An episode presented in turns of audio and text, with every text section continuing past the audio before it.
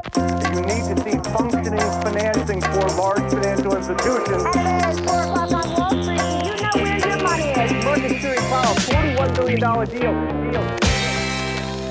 Idag gästas jag av ett av Sveriges äldsta aktiebolag med rötter från 1600-talet, närmare bestämt Husqvarna. Bolaget är en av världens ledande tillverkare av produkter för skogs-, park och trädgårdsskötsel, bevattningsprodukter samt kapnings och ytbehandlingsutrustning för byggnadsindustrin.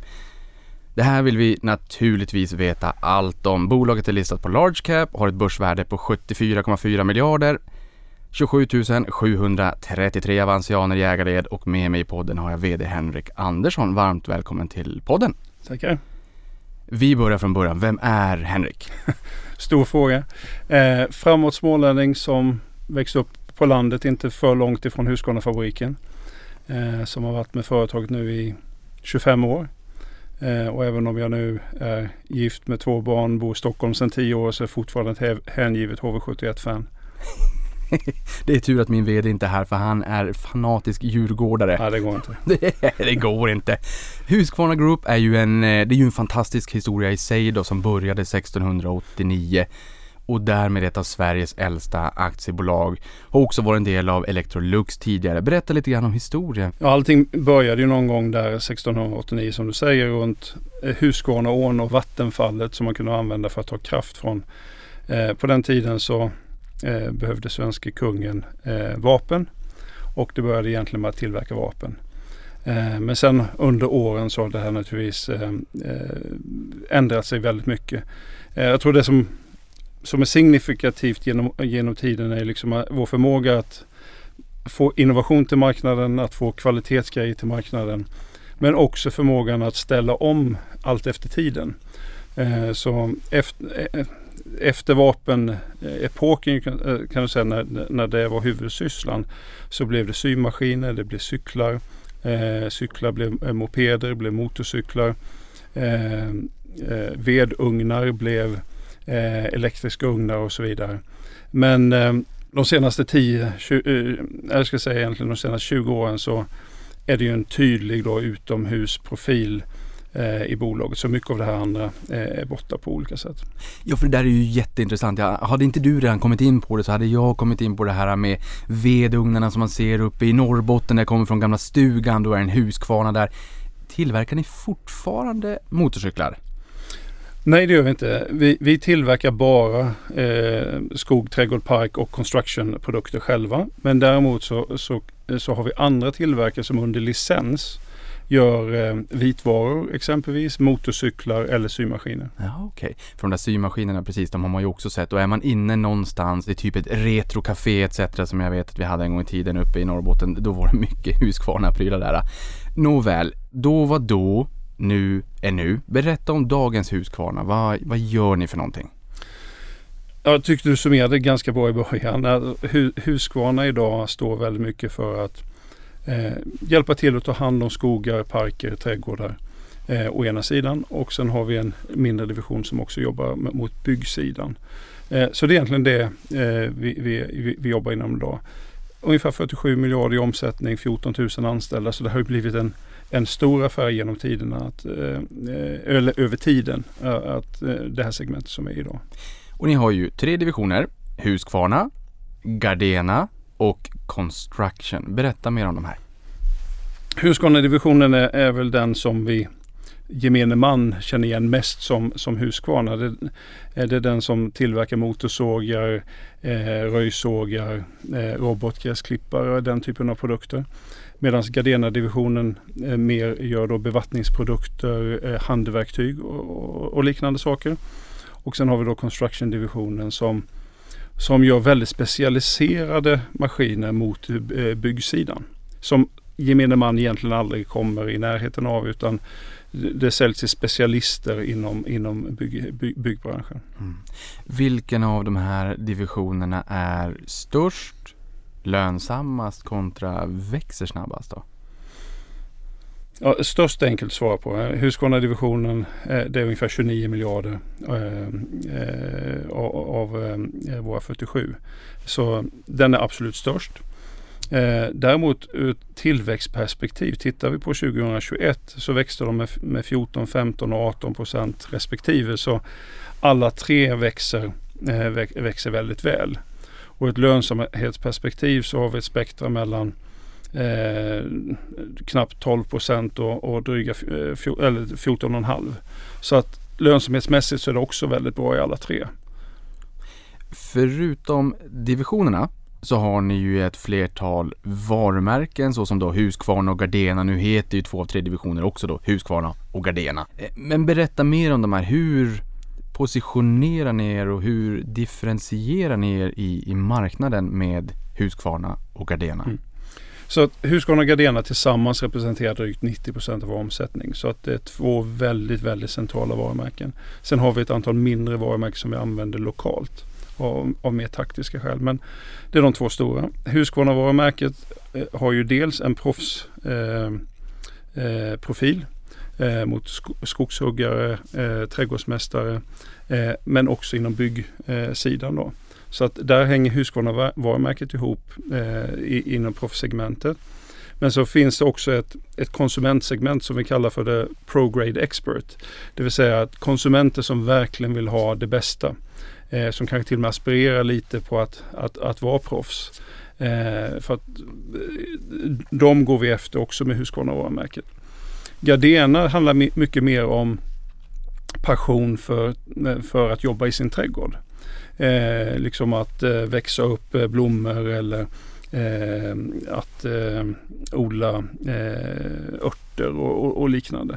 Så Gardena är väldigt mycket runt passion och om, om, om trädgården på det sättet. Så att om Husqvarna är mer proffs och de som vill ha riktigt bra grejer, oftast med stora ytor. Och, och Gardena är väldigt mycket runt den, den, lite mindre trädgården och de som verkligen har en passion för att ta hand om den på ett bra sätt. Men, men, har man den passionen och sen så vill man ut nu här i veckan när det här spelas in så har vi ju rullat tillbaka restriktionerna, Sverige öppnar upp. Det bubblar i leden, folk vill ut och resa och kanske inte semester, hemester, staycation i år utan man kanske vill utanför Sveriges gränser. Eh, har man snälla grannar så kan de vara där och, och vattna åt den men eh, det, det, det kanske är så att man har snälla grannar men att man ändå vill köpa ett bevattningssystem av det. Kanske att man är lite prylintresserad om jag så säger mm. och gärna vill koppla upp ett bevattningssystem, gärna ha en app också och sitta nära i, i Mallis och, och titta på en app och trycka på vattna nu och, och, och mäta olika siffror etc. Eh, är det här ett alternativ även för, för den typen av personer som inte har en enorm trädgård utan som tycker att det är lite kul det här med den här uppkopplade trenden. Absolut, det, det är en kund som verkligen hittar hem hos oss också. Eh, vi är lite unika med vad vi kallar vår Smart Garden-lösning som vi har utvecklat egentligen mellan Husqvarna-divisionen och Gardena-divisionen. Eh, där vi kombinerar roboten, eh, robotgräsklipparen och bevattningssystemet. Så kopplar vi upp alla de här sakerna och så sätter vi in dem i ett gemensamt system där vi kan minimera hur mycket vatten vi gör av med för att bevattna trädgården. Vi vattnar verkligen bara när det behövs. Eh, eller att vi inte kör roboten när vi vattnar och vice versa och så vidare. Så att dels kan man ehm, eh, sköta eh, on remote men så kan man också eh, använda den intelligens i systemet för att se till att man får ett så bra resultat som möjligt. Jag ser ju onekligen hållbarhetstrenden där i också att inte vattna mer än, än vad man behöver. Eh, Husqvarna-varumärket, jag tolkar det som att det är liksom premiumsegment, de professionella. Aspirerar man på att vara, liksom ha det bästa hemma så har man Husqvarna. Och istället kanske för egna märkesvaror som vissa butikskedjor eh, kör med om jag förstår det hela rätt. Ja absolut, det är, den, det är absolut den position vi tar. Mm. Hur ser geografiska mixen ut då? Vart, eh, vart hittar vi er? Jag skulle säga drygt, eh, drygt hälften av vår omsättning är i Europa. Eh, ungefär en tredjedel i Nordamerika och sen resterande 13 procent eller vad det blir är, är eh, eh, i övriga länder. Men vi, har, vi, gör, vi, vi säljer produkter i, i dryga 130-140 länder måla upp vart vi hittar er i, i vardagen. Du sa många kanske inte känner till de här professionella produkterna på byggarbetsplatser. Nu har vi varit in på bevattningssystem och robotgräsklippare och så, men eh, måla upp några scenarion. Vart hittar vi era produkter i vardagen? Ja. Som konsument så hittar vi dem normalt sett på helgen när vi eh, vill ta hand om vår egen trädgård naturligtvis. Men eh, om vi går utanför det eh, så hittar du det hos eh, skogshuggare eh, som är ute och jobbar i våra skogar, tar, hand om dem. Eh, vi har arborister som klättrar i trän, beskär trän, tar hand om trän i stadsmiljöer och liknande. Eh, där används väldigt mycket våra produkter.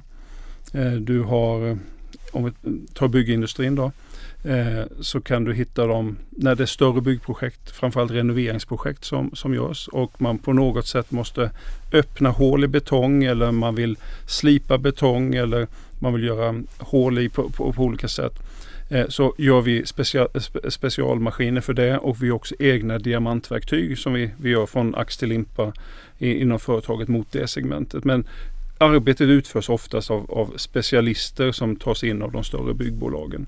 Som konsument kan man eh, eh använda våra produkter genom att eh, gå till en, eh, av de stor, något av de stora uthyrningsbolagen. Eh, för där finns alltid våra byggprodukter också. Sen är det inte ovanligt att man hittar våra produkter på en, i en brandbil. Det finns oftast en motorsåg, det finns oftast en kapmaskin på, mm. på, i, varje brandmaskin, i varje brandbil och så vidare. Så det finns många olika applikationer där man kan komma Eh, i kontakt med våra produkter. Just det. Och, och, det här som du säger också när man ska in och, och låna verktyg om det är så att man gör ett arbete och inte vill köpa de här själv då utan låna de här under tiden bygget pågår. Vi kommer ju att komma in lite grann på det här för om man som bolag ska överleva från 1689 till 2022 och 100 år till minst så måste man ju förnya sig själv och det har, det har ni ju ändå gjort löpande. Det, det, har vi fått en känsla för här. Men ni är inne och experimenterar lite grann med nya affärsmodeller. Vi kommer in på det lite senare. Men hur stor skulle du säga att er adresserbara marknad är idag och hur stor marknadsandel har ni i de här olika segmenten? Om vi tar det lite övergripande så kan man säga att vår, vår den totala marknaden som vi idag befinner oss på den är, värderar vi till ungefär 265 miljarder. Eh, ungefär 45 av dem är construction. 70 av dem är det segmentet Gardena är efter och resterande delen är det segmentet som Husqvarna-divisionen eh, verkar inom. Summerade du det på högsta nivå så blir det väl en global marknadsandel på någon 17-18 procent någonstans.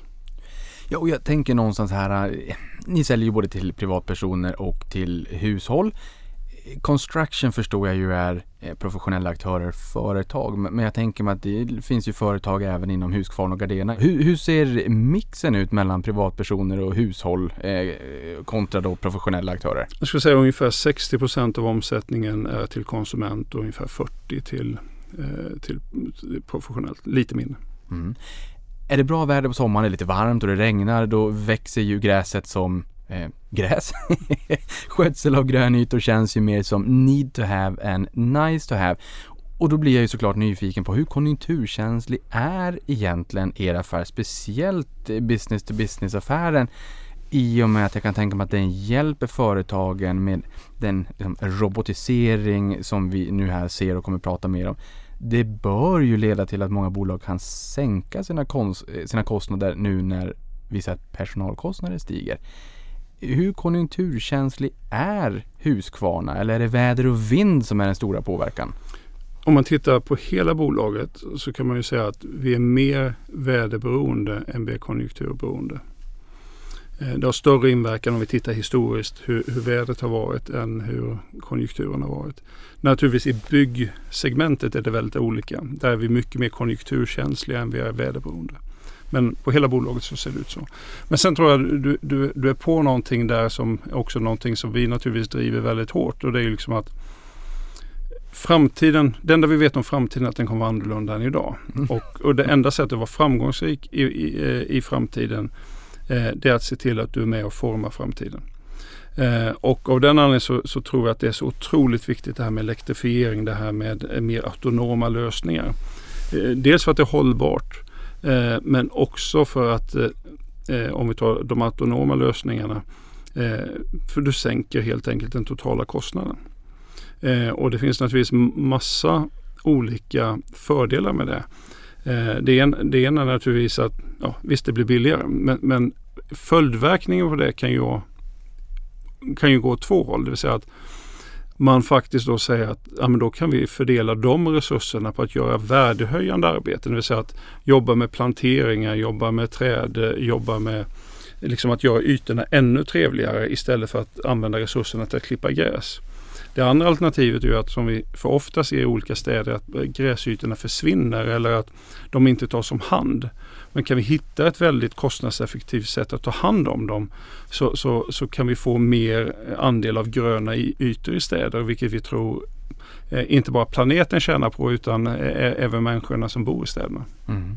Det här klassiska uttrycket, vi hade i alla fall tur med vädret. Det är på tal om väderberoende hur, hur, liksom, hur jobbig faktor är det här? Liksom, stökar den till det mycket? Blir analytikerkollektivet besvikna om det kommer med rapporter som inte lever upp till förväntningarna på grund av väder och vind? Alltså hur, hur gör man för att tackla väder och vind? Är det här en stor fråga? Det är en relativt stor fråga men man ska inte överdramatisera den. Eh, det vill säga att om vi tittar historiskt så när vi haft eh, ett dåligt år så har det oftast berott på, på vädret.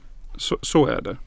Samtidigt har vi naturligtvis blivit väldigt duktiga på att hantera detta på olika sätt genom att vara väldigt flexibla. Men också genom så som vi har byggt vår portfölj. Alltså huvudanledningen när vi köpte Gardena det var ju egentligen att få en naturlig väderhedge. Det vill säga ett bevattningssystem versus gräsklippare. När gräset blir brunt om man inte köper gräsklippare längre då köper man bevattningssystem och vice versa. Så att vi har försökt eh, att hantera det där. Och eh, jag tror att så som vi hanterat vår supply chain under covid nu med massa störningar och ändå liksom levererat den här typen av tillväxt och den här typen av resultat som vi har. Det visar ju något sätt, eh, på något sätt på en organisation som är väldigt van att hantera osäkerhet runt ikring sig. Så att jag tror att det är, en, det är en viktig faktor men man ska inte överdramatisera den och ser man över tiden Eh, så, har, så har vi lyckats leverera. Titta de senaste Eh, vi brukar visa eh, en graf från 2013 till 2021 där vi har växt vinsten i företaget eh, i procent av, av omsättningen varje år förutom ett år. Eh, så att någonstans så finns det en underliggande förbättring i företaget som väldigt mycket hänger ihop med att vi, vi har över ett antal år nu byggt en, stark, ett, en starkare Husqvarna Group. Och vad jag menar med det är att vi har verkligen investerat i de intressanta segmenten som har störst potential för tillväxt och lönsamhet. Vi har hållit tillbaka i vissa andra viktiga segment och sen har vi klivit av eh, vissa segment för att liksom få en helt annan mix i företaget och det har liksom skapat en, ett, ett, ett, ett värdeskapande i företaget som har gått betydligt läng eh, längre än, än väder och vind så att säga. Men vad är då bedrövligt väder och vad är optimalt väder för er? Ja, det, det, är all, det, är alltid en bra fråga. Men det man kan säga är att eftersom vår gräsklippaffär generellt sett är större än bevattningsaffären så är det alltid bättre att undvika torka totalt sett för företaget. Men, men egentligen är det så enkelt att du vill, du vill ha en lång säsong. Det vill säga att du vill att gräset börjar växa relativt tidigt. Och sen vill du att det fortsätter att växa så långt som möjligt. Det är egentligen det som vi är ute efter. Nu har ni ju era eh, robotgräsklippare, men jag tänker mig, det känns ju som att det är mera sommarsäsong och att den ska vara så lång som möjligt. Ja, det, det, är ju inte på tapeten med autonoma snöslungor för, för de som bor i, i, i Norrbotten och därutöver. Det finns ju en risk att snön slungas på grannens bil i och för sig. Nej, vi är inte där just nu, även om vi faktiskt jobbar just nu med ett projekt med snöröjning på flygplatser. Aha. Eh, med en autonom lösning. Det är ju professionella aktörer mm. och på tal om professionella aktörer, i slutet på 2020 introducerade ni, hur uttalar jag det här, Seora? Mm. Jaha, perfekt. Plötsligt händer det. För att hantera stora grönområden där ni vill omvandla professionell grönytesskötsel till att bli en automatiserad, kostnadseffektiv och miljövänlig process. Berätta mer. Ja, det här är ett superintressant eh, eh, segment som vi nu går efter. Vi, vi lanserade ju världens första robotgräsklippare redan 1995. Och på tal om det, ja. det finns en fantastisk dokumentär om det. Jag länkar in det i beskrivningen här inunder där man fick följa med Bengt Andersson, tidigare VD som klev av 2008, fick inte mandatet från Electrolux att investera i det här, ringde upp en kompis i USA, kan vi dela på det för då behöver jag inte fråga om lov. Resten är historia. Jag länkar den dokumentären eh, inunder i, i beskrivningen så att du som lyssnar på det här kan titta på den om du vill. Det är ett knippe svensk industrihistoria. Jag håller med, superintressant. Eh, vi klev in i konsumentsegmentet 1995 och nu 2022 så kliver vi in i det professionella segmentet. Visst, det finns en del proffs som redan idag använder våra konsumentmaskiner. Men nu går vi på allvar efter det professionella segmentet. Och robotgräsklipparen har så fantastiskt många möjligheter och så många fördelar. För konsumenten säljer du mest liksom tid och du säljer liksom att det är bekvämt. Men du får också benefits liksom med att den är tyst. Eh, den släpper inte ut några avgaser. Du behöver inte hålla på och tanka och så vidare. På den professionella sidan så har du egentligen samma saker. Eh, de är naturligtvis väldigt intresserade av kost. Kost per, per, per kvadratmeter. Och det är klart, kan du eliminera eh, lönekostnad, vilket är faktiskt den största komponenten i den totala kostnaden när man klipper gräs professionellt idag. Det är nästan två tredjedelar av kostnaden per kvadratmeter. Det är lön idag. Så är det klart att bara det i sig är ju världens, eh, eh, världens möjlighet. Men utöver det då så, så, så slipper du eh, utsläpp av, av eh, koldioxid. Den är tyst och den är också lätt. Det vill säga att må många golfbanor och liknande har problem idag när det regnar. Så kan de inte gå ut med de tunga maskinerna för att det fördärvar eh, golfbanan. Medan en robotgräsklippare kan alltid vara ute. Så att extremt många fördelar med eh, robotgräsklippare in, in i den professionella branschen. Och det är klart att vi värderar den någonstans till att det är en marknad på ungefär 100 miljarder. Det vill säga att kostnaden för att klippa gräs idag eh, kom, eh, kommersiellt är ungefär 100 miljarder på den typen av ytor vi skulle kunna hantera med en robot. Så det är klart det här är ju en jättepotential och Seora är då en väldigt avancerad plattform eh, så, som vi nu lanserar då som kan klara upp till 75 000 kvadratmeter. Eh, som styrs via satellit och liksom du kan helt dynamiskt bestämma vilka ytor som ska klippas, inte klippas. Vill du klippa systematiskt fram och tillbaka och få fina linjer i gräset eller vill du klippa slumpmässigt som du gör med din konsumentmaskin och så vidare. Så att det här är en jättesak som vi, vi börjar nu i 2022. Men du kan alltså sitta vid din dator på kontoret med en kopp kaffe och kanske något gott godfika till om du vill och sitta och rita på den här kartan och i realtid ändra hur de här maskinerna ska klippa. Så är det. Ja, det är ju imponerande. Det här, har jag förstått det rätt som att ni är pionjärer när det kommer till robotgräsklippare globalt? Absolut. Jag menar, vi, vi uppfann hela kategorin 1995 har det varit viktigt för er att se till att de här robotgräsklipparna är, är och ser gulliga ut? Och jag, jag har noterat den här, lilla, den här lilla hundkojan som man kan köpa på exempelvis, jag har sett på Clas Olsson och så kunde man sätta namnet på sin eh, robotgräsklippare. Har det här varit viktigt för att eh, liksom, landa in i hjärtat i folkhemmet? Det vi lärde oss väldigt tidigt när vi lanserade den här produkten Eh, jag var del av det i slutet på 90-talet också. Eh, det, det, var liksom vilken eh, vad, vilket engagemang produkten skapade hos kunden. Eh, att man var, var tvungen att tala om för sin granne eller sina kompisar om den här produkten eller visa den. Eller hur fascinerad man var att man fortfarande ser folk stå och titta på den och hur den kör i trädgården. eller hur många kunder som faktiskt har adopterat den in i familjen och den har ett namn och man pratar med den ute i trädgården.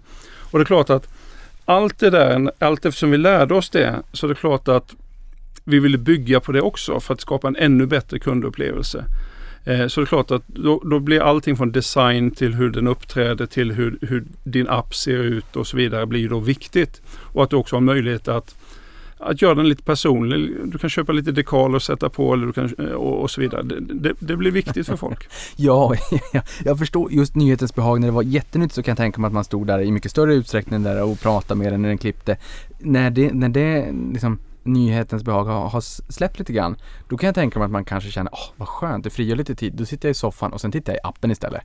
Hur viktig är appen för att ge, inte vet jag, statistik hur mycket gräset har växt? Säkert, säkert jätteonödigt egentligen, men ändå kul att skapa en stickiness. Jag, jag tror att du har dels den dimensionen, vilket liksom är rent bara att du, det skapar intresse och det är kul att ha.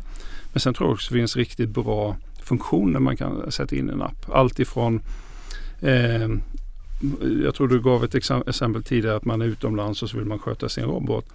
Eh, ja, om man vet att det är torrt hemma då höjer man klipphöjden mm. via sin app. Och, och, och så, så, låter man gräset vara längre då när det, när det är torrt. Eh, eller att man eh, som vi kan göra även för konsumenter nu i 2022. Att man på sin app faktiskt kan dra fingret och säga att i det här hörnet vill jag inte att roboten går nu för där ska jag ha utemöblen och här ska jag ha ett party i, i helgen. Så att vi kan bygga in riktigt värdeskapande funktioner i appen. Eh, vi kan också skapa den här stickiness och relationen och liksom att det är kul att följa den. Till att vi kan också sälja mer och göra det enklare för kunden. Det vill säga att eh, nu är det dags för nya knivar. Finns det ett enkelt sätt liksom att få tag på dem och så vidare. Eh, så att jag tror att det finst massa möjligheter genom att gå bortom själva produkten framöver. Men när du säger knivar där så tänker jag mig naturligtvis efter affären också och, och jag har förstått att det finns en, en icke försumbar repetitiv del kopplat till det här. Vad hittar vi där?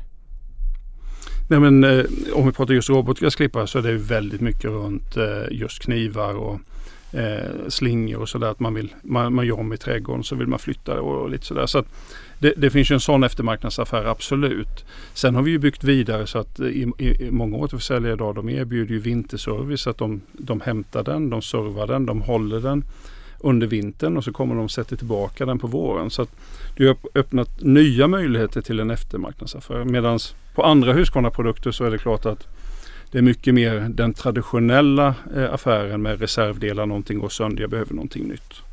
Mm.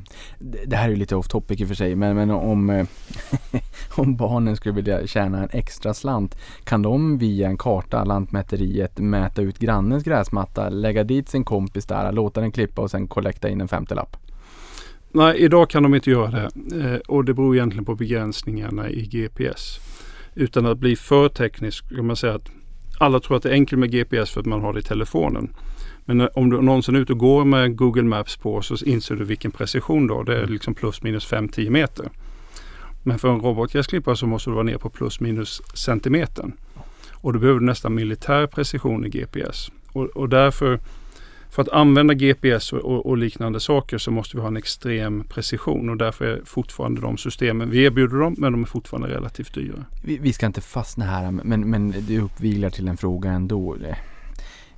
Var tror du att robotgräsklippare befinner sig om vi blickar in fem eller kanske tio år in i tiden? Är det, som, är det vi egentligen behöver? Finns det redan på plats eller finns det spännande spaningar som du tror kommer kunna eh, komma i termer av produktutveckling för robotgräsklippare? Nej, jag, jag, tror ju absolut att det här kommer fortsätta att, att utvecklas och ta ordentliga kliv framöver. Jag menar, vi pratade lite om GPS. Eh, det här är någonting som jag tror kommer bli mycket eh, bättre eh, framöver med precision som blir billigare eh, som man kan lösa. Men också att olika typer av sensorer, om det är liksom eh, vision, att, eh, att produkten kan se och så vidare. Att, att kvaliteten och eh, i relation till pris blir rimligt också för robotgräsklippare. Jag, jag tror att vi kommer se en fantastisk utveckling i åren. Men, men, hur ser marknadspenetrationen ut då? Hur många är det som springer med en handjagare och klipper själva eh, kontra som faktiskt har investerat i en robotgräsklippare? Det ser väldigt olika ut land från land och här är ju Sverige tillsammans med Schweiz och Österrike tror jag de som har högst penetration eh, i världen där ja, drygt hälften av, av alla ny, eh, allting som säljs nytt är en robotgräsklippare. Hälften? Ja. Okay. Värdemässigt ungefär. Eh, Medan i många andra länder så är det mycket lägre fortfarande. Så att det, det, som är kul med det här är naturligtvis att vi har en stor success och det här är en stor del av vår verksamhet idag. Men det finns fortfarande så mycket potential, eh, potential kvar för oss att, att, att ta. Ja, och det är ju precis på det sättet jag tolkar det också, att det finns väldigt, väldigt mycket kvar att göra. Stora möjligheter med att öka den penetrationen. Ni utforskar ju också nya affärsmodeller kopplat till delningsekonomin. Vi pratade om det här tidigare, att behöver man verktyg på en, på en byggarbetsplats hemma under en stund så kan man åka och hyra det, då hittar man era pry, prylar då, bland annat. Men en sån ny affärsmodell som ni funderar lite på är ju Husqvarna Tools for You. Mm -hmm. Vad är det?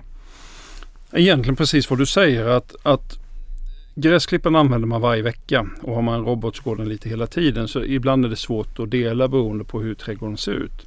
Men däremot, man klipper inte häcken så ofta exempelvis. Eller man, man behöver inte en motorsåg i en villaträdgård så ofta. Och det är klart att eh, vi ser det behovet och, och, det är klart vad som då är rätt för kunden är inte att köpa någonting som bara sitter där. Utan vad som är rätt för kunden då är att vi på något sätt gör att det finns tillräckligt nära, finns en möjlighet att, att hyra någonting så, så just då när man behöver det. Och då har vi skapat en enkel box egentligen som man kan sätta ut i ett, eh, i ett kvarter.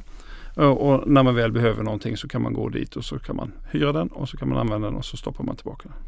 Ja, okej. Okay. Ja, spännande. Hur ser produktionen ut då? Tillverkar ni allting själva eller har ni outsourcat en del där ni liksom adderar den sista teknikhöjden eller hur ser det ut?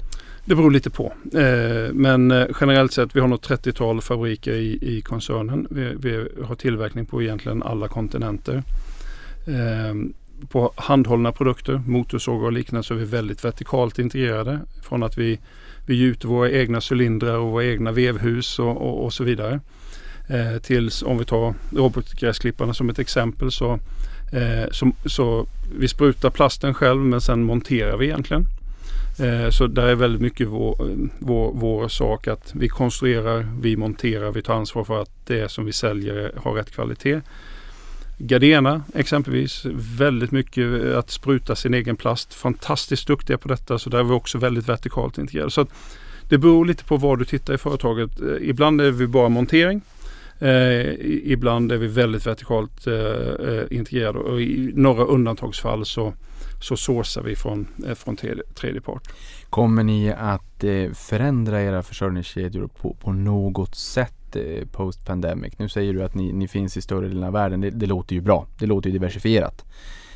Men, men, kommer ni att ändra det på, på något sätt? Ja, vi, vi kommer ändra den ur två aspekter. Det ena är ju att eh, som du säger, pandemin har lärt oss att väldigt långa globala eh, eh, värdekedjor för en specifik produkt gör det väldigt svårt eh, i, i den här typen av situation. Den, an, den andra är att vi, eh, vi går mot elektrifiering. Vilket gör att vi måste ju ställa om från eh, en väldigt stor andel bensinprodukter till elektriska produkter. Och där har vi en möjlighet att säga att eh, hur vill vi då sätta upp värdekedjan? Så att eh, ur, ur de två perspektiven så måste vi, eh, måste vi förändra vår värdekedja. Och båda de här gör vi lite åt gången snarare än, än några drastiska saker. Vi, under de senaste två åren har vi jobbat med en plan framförallt vad gäller våra bensindrivna handhållna produkter. Där vi egentligen då säger att för att förbereda oss för att mer och mer bli batteridrivet så säger vi att vi ska bara göra de komponenter in-house som är absolut avgörande för kvalitet och prestanda. Alla, och, och de ska vi göra i bara en fabrik istället för i många fabriker. Så vi kan minska investeringsbehovet. Och sen ska vi sourca resten av komponenter. För att ur ett monteringsperspektiv så är det relativt lika mellan batteri och bensin. Men just i, i stegen innan i tillverkningen så är det viktigt. Så att det är också viktigt liksom att ta de stegen i tid innan de blir ett problem. Eh, så att vi ändrar värdekedjorna på, på, det sättet men det är inget dramatiskt liksom ur ett kostnadsperspektiv som många befarar. Utan det viktiga är att man gör lite åt gången och du vet vart du är på väg. Hur stor del av era produkter eller hur stor del av försäljningen idag då är elektrifierad om man så säger? Av våra motoriserade produkter, det blir lite konstigt att säga så, men, men alla produkter har inte en motor mm. som vi säljer, men av de som har en motor så är 37 eh, elektriska idag. Eh, och där vi har satt en ambition för oss själva att det ska vara upp till 67% om fem år. Då inser man att elektrifieringen är en, en stark trend som genomsyrar Husqvarna. Försäljningen här då, sker den via egna distribution och försäljningskanaler eller samarbetar ni med återförsäljare? Har ni egen DTC, alltså direkt till konsumenten? Alltså man köper via er, er egen sajt. Hur, hur, ser mixen ut? Det, det absolut vanligaste är att vi jobbar tillsammans med återförsäljare och retailers. Vi har ungefär 25 000 runt om i världen som vi jobbar väldigt nära. Det är den, den viktigaste försäljningskanalen för oss.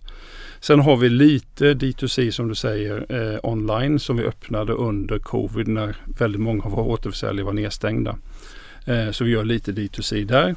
Eh, och sen inom construction så har vi alltid haft en, en, en fördelning mellan återförsäljare, direktförsäljning med egen personal och eh, att sälja till uthyrningsbranschen. Förutom era produkter så har ni ju även tjänster och digitala applikationer som Gardena Smart System, Automover Connect och Husqvarna Fleet Service som totalt hanterar över en miljon användare. Berätta. Ja, en miljon användare och över tre eh, närmare tre miljoner produkter. Eh, så att det, är, väl, det, det, det är ganska omfattande idag. det, det är en fundamental del av vår strategi. Vi, vi, vi, vi är övertygade om att i framtiden så kommer det inte räcka att ha bäst produkter. Utan du måste finna nya vägar för att eh, erbjuda kundvärde. Och då tror vi att tjänster är en, en, en, stor möjlighet att faktiskt kunna erbjuda ett större kundvärde än bara produkter. Och därför har vi jobbat målmedvetet eh, med det här i ett antal olika ledder. Eh, Automover Connect är, är ju med den här appen vi pratade om tidigare. Smart Garden pratade vi om innan, liksom hur man kan få ihop ett helt system av produkter i sin trädgård och, och som kan vara smartare. Eh, vi har också ett flitsystem som vi använder till de professionella kunderna där man kan sätta sensorer på alla produkter. Så att man vet vad de är, man vet hur många timmar de används, man vet när det är dags att, eh, att få dem till service, man kan beställa service och återförsäljare och så vidare. Så det blir enklare för de professionella användarna att hantera sin flotta av produkter. Så att det här med tjänster är någonting som vi tror starkt på framöver. Och har ni liksom en, en intjäning från tjänstesidan här då? Ehm, e-, eller är det så att det här ingår om man som privatperson köper en robotgräsklippare eller att man som företag köper en, en produkt av er? Det, det, finns lite både och. Men, men, jag skulle säga att idag är det inte materiellt från, från, från, ur ett finansiellt perspektiv för oss utan det är mest en tjänst vi tillhandahåller. Men till det professionella segmentet så, eh, så säljer vi naturligtvis den här, eh, den här eh, mjukvaran som vi, som vi säljer. Ja men jag tänker mig att det finns ju garanterat gräsklipparnördar där ute som vill diskutera x antal millimeter baserat på vädret just den här sommaren vi befinner oss i etc. Eh, eller för den delen bevattning och hur man sköter sin trädgård etc. Skulle det vara någonting i framtiden att kunna skapa en community av era användare som sinsemellan diskuterar eh, med varandra och stärker ekosystemet? Det skulle man absolut kunna göra och eh, vi har delvis gjort det redan. Vi har skapat ett community men som vi inte har under vårt eget varumärke. Eh, för Gardena eller den typen av kundgrupp där de kan dela eh, synpunkter och så vidare. Och där vi hjälper till med content på idéer vad man kan göra i sin trädgård och nya projekt och sånt där. Så jag tror att den här typen av communities kan vara bra. Ja, för jag tänker mig med över en miljon användare och tre miljoner enheter, det är en stor installerad bas, så måste ni ha spännande insikter kring hur ni kan vidareutveckla och förbättra befintliga produkter. Likväl som insikter kring vad kunderna kanske skulle behöva, ibland kanske utan att de ens vet det själva. Det här måste ju vara fantastiska möjligheter för er att få goda insikter. Så är det absolut. Eh, nyfikenhet är allt. Och, och ju fler datapunkter du har, ju mer du, ju mer du lär dig, ju bättre kan du eh, möta dina kunders krav när det är dags. Jag brukar prata om produktutveckling handlar väldigt mycket om consumer foresight snarare än consumer insight som folk normalt sett pratar om. Att, att förstå kunden idag är intressant men inte avgörande för produktutveckling. Utan det viktiga är ju för oss att förstå vad kunden kommer föredra om tre eller fem år när vi har lanserat de nya sakerna. Och det är klart att den, den lärdom du kan dra från hur kunden använder produkterna idag är ju en extremt viktig input där. Plus att vi måste lägga det tillsammans med vad teknologin kan, Eh, kan, ehm, möjliggöra i framtiden och eh, vad, händer liksom med konkurrenter och vad händer med massa olika saker. Så att det här att leva liksom i framtiden på något sätt eh, är liksom avgörande för att ligga i framkant och, och då tror jag att, att ju mer datapunkter du har Eh, ju bättre, ju bättre jobb, eh, jobb kan du göra egentligen. Ja men oerhört intressant. Jag förstår verkligen med foresight snarare än insight. För om någon frågar mig om jag är nöjd idag så säger jag säkert att jag, men ja, jag är jättenöjd. och min robotgräsklippare heter Bu eller Bä och sen så kommer en ny produkt och sen inser jag hur har jag någonsin kunnat vara utan den här produkten. Um, hur arbetar ni med produktutveckling då? Hur mycket pengar lägger ni på forskning och utveckling? Vi lägger ungefär 4% av omsättningen och vi, vi kommer väl försöka öka upp den närmare mot 5 här under åren som kommer. Så att vi, vi, lägger rätt så ordentliga pengar bakom vår produktutveckling. Det är, det är väldigt mycket det som eh, definierar oss eh, i marknaden. Att alltid ligga i framkant och att alltid ha bra innovation och riktigt bra kvalitet på det vi gör jag försöker alltid få någon form av breaking news. Eh, lyckas väl sällan i och med att det är börsnoterade bolag. Men, men går det att säga någonting om vad som bubblar i utvecklingslabbet eller vad ni, eh, vilket område ni fokuserar på mest framåt? Det, det man kan säga utan att bli för specifik är naturligtvis att givet vår strategi så är det klart att robot och batteri är väldigt viktigt. Eh, det är också väldigt viktigt för oss med eh, hållbarhet. Det är också väldigt viktigt för oss med, med att bredda oss vad gäller tjänster. Och det är klart att de sakerna speglas ju också då i våran eh, produktutveckling. Att det är ju där vi då försöker hitta möjligheterna. Vad gäller robotgräsklippare, så om vi tar det som ett exempel, så finns det ju två spår. Det ena är ju liksom att hur gör vi dem ännu bättre? Och det andra är ju hur kan vi göra dem kanske lika bra som nu fast billigare? Det är ju det är två saker för att vi, vi vill ju liksom att till slut ska ju vårt mål är att alla ska ha en robotgräsklippare. Ja, nej men precis. Jag förstår att det är en skalbarhet i produktionen också. För är det så att du får ner priset då får du säkert upp, upp adaptionen. Och då får ni ju upp en marknad. Så är det. S samtidigt det som har gjort att vi har lyckats så väl med robotgräsklippare trots att nu ett 20-tal konkurrenter har klivit in i det segmentet så är vi fortfarande eh, större än de 25 tillsammans.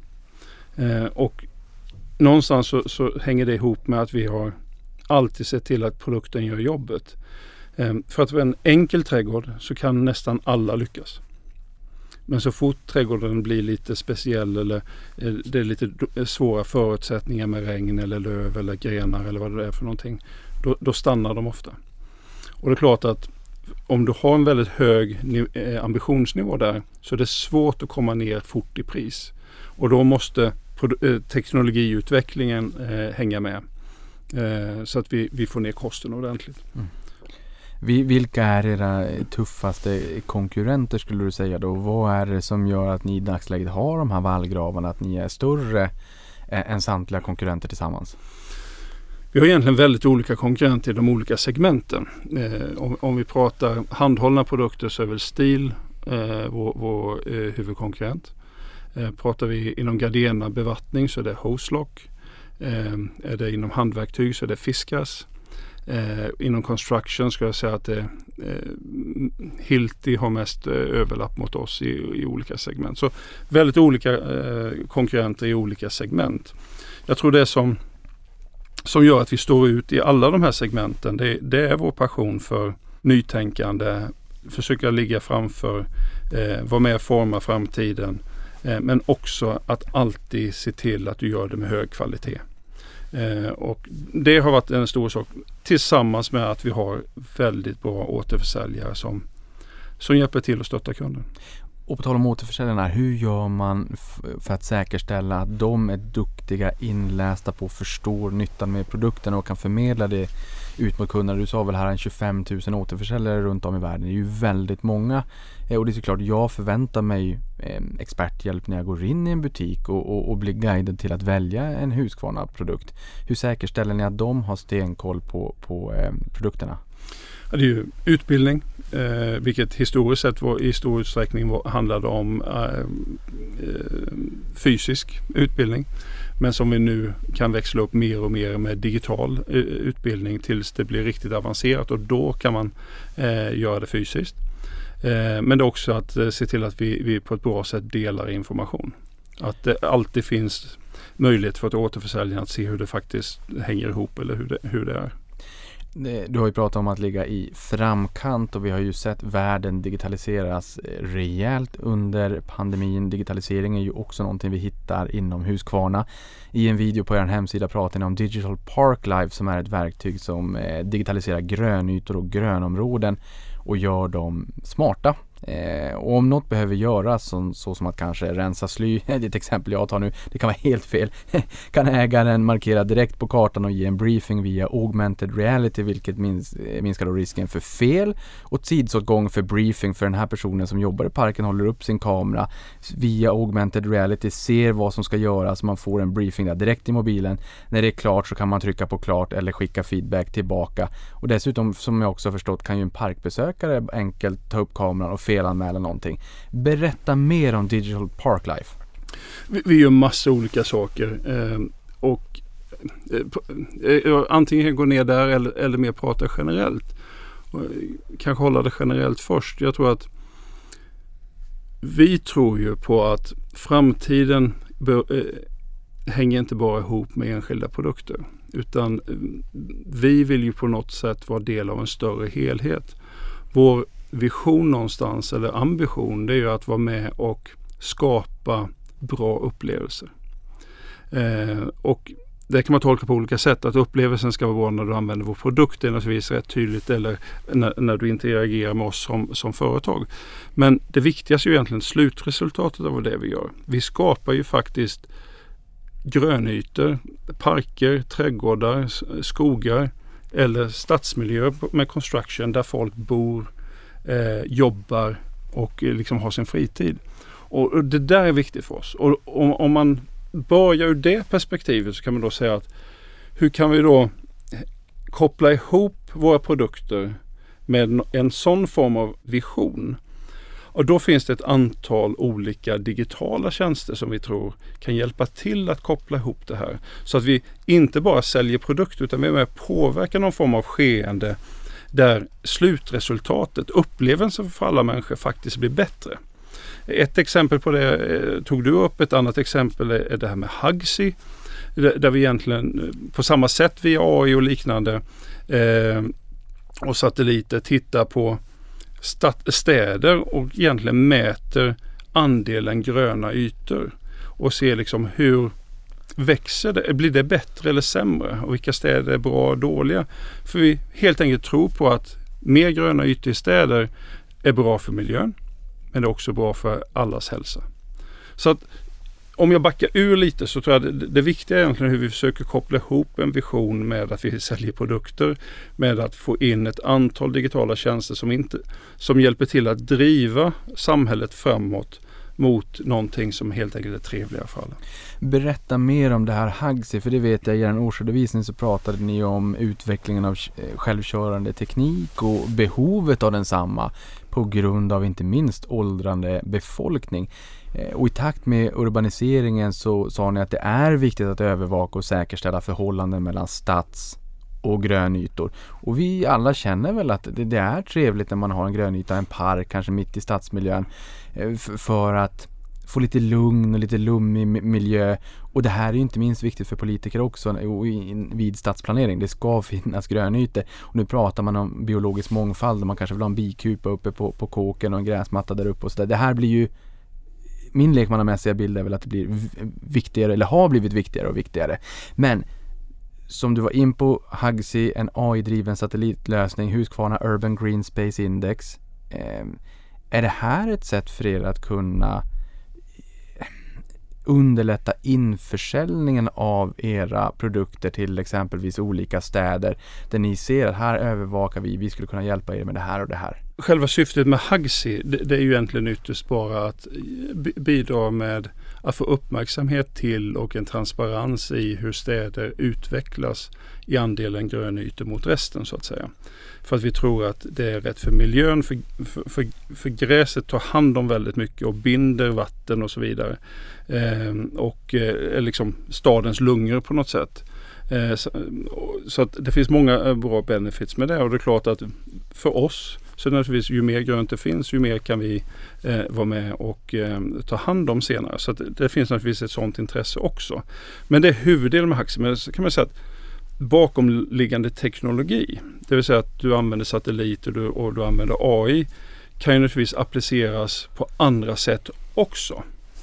Eh, och det är klart att eh, vi, vi, har ett annat, uh, en startat, startup inom företaget just nu som tittar på exempelvis kan vi använda motsvarande till att förutse att här kanske ett träd kommer trilla ner över en kraftlinje. Så att man i tid kan gå ut och, och ta ner trädet. Så att samma teknologi kan säkert appliceras på olika sätt.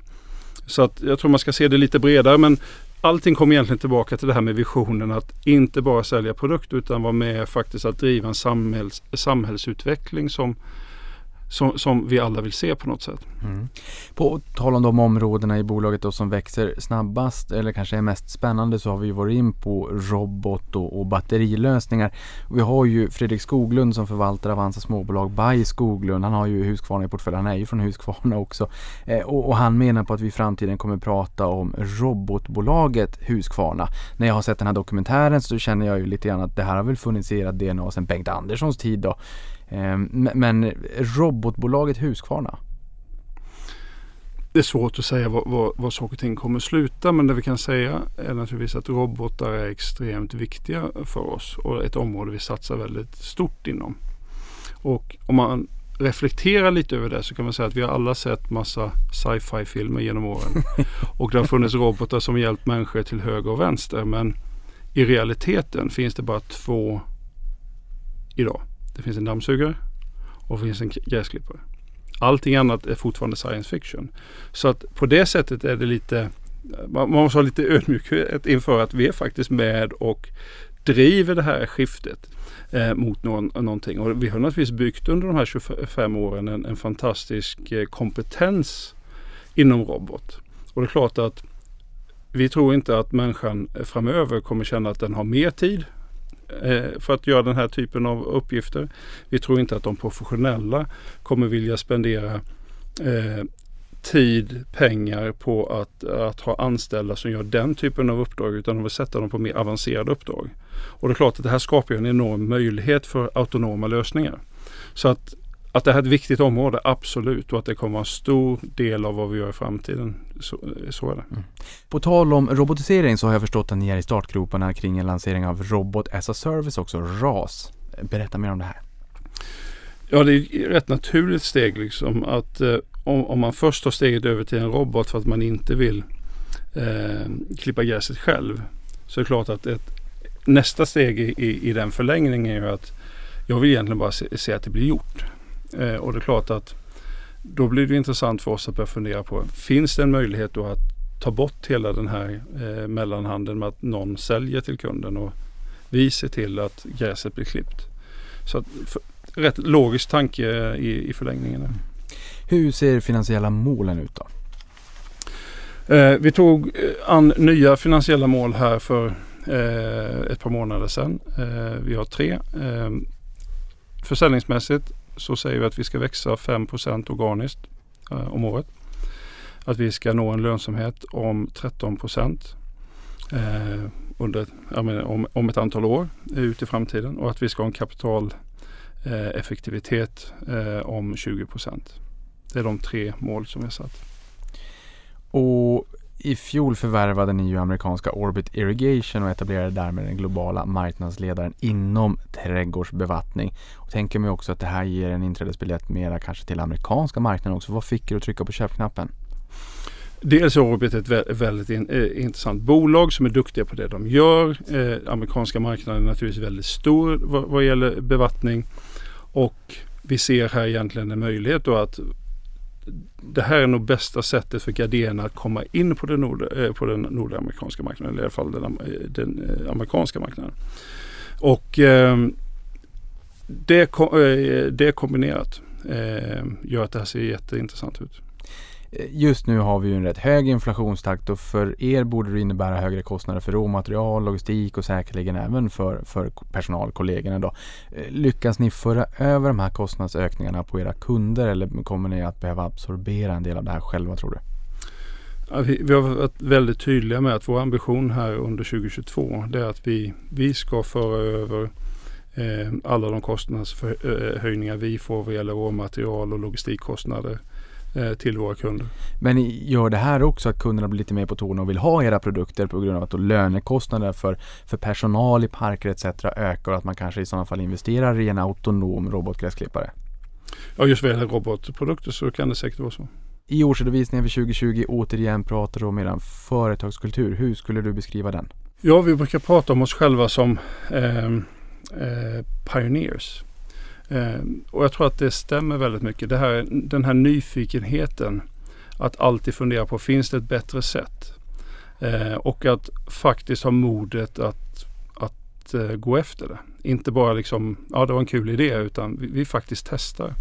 Jag tror det, det, det går igenom eh, seklerna på något sätt när man ser de här extrema svängningarna från olika produktområden som vi har gjort och där vi väldigt många gånger har kommit i, eh, klivit in i segment med banbrytande eh, lösningar. Så det finns någonting här runt entreprenörskap, eh, att, att, nyfikenhet och att liksom alltid vilja framåt.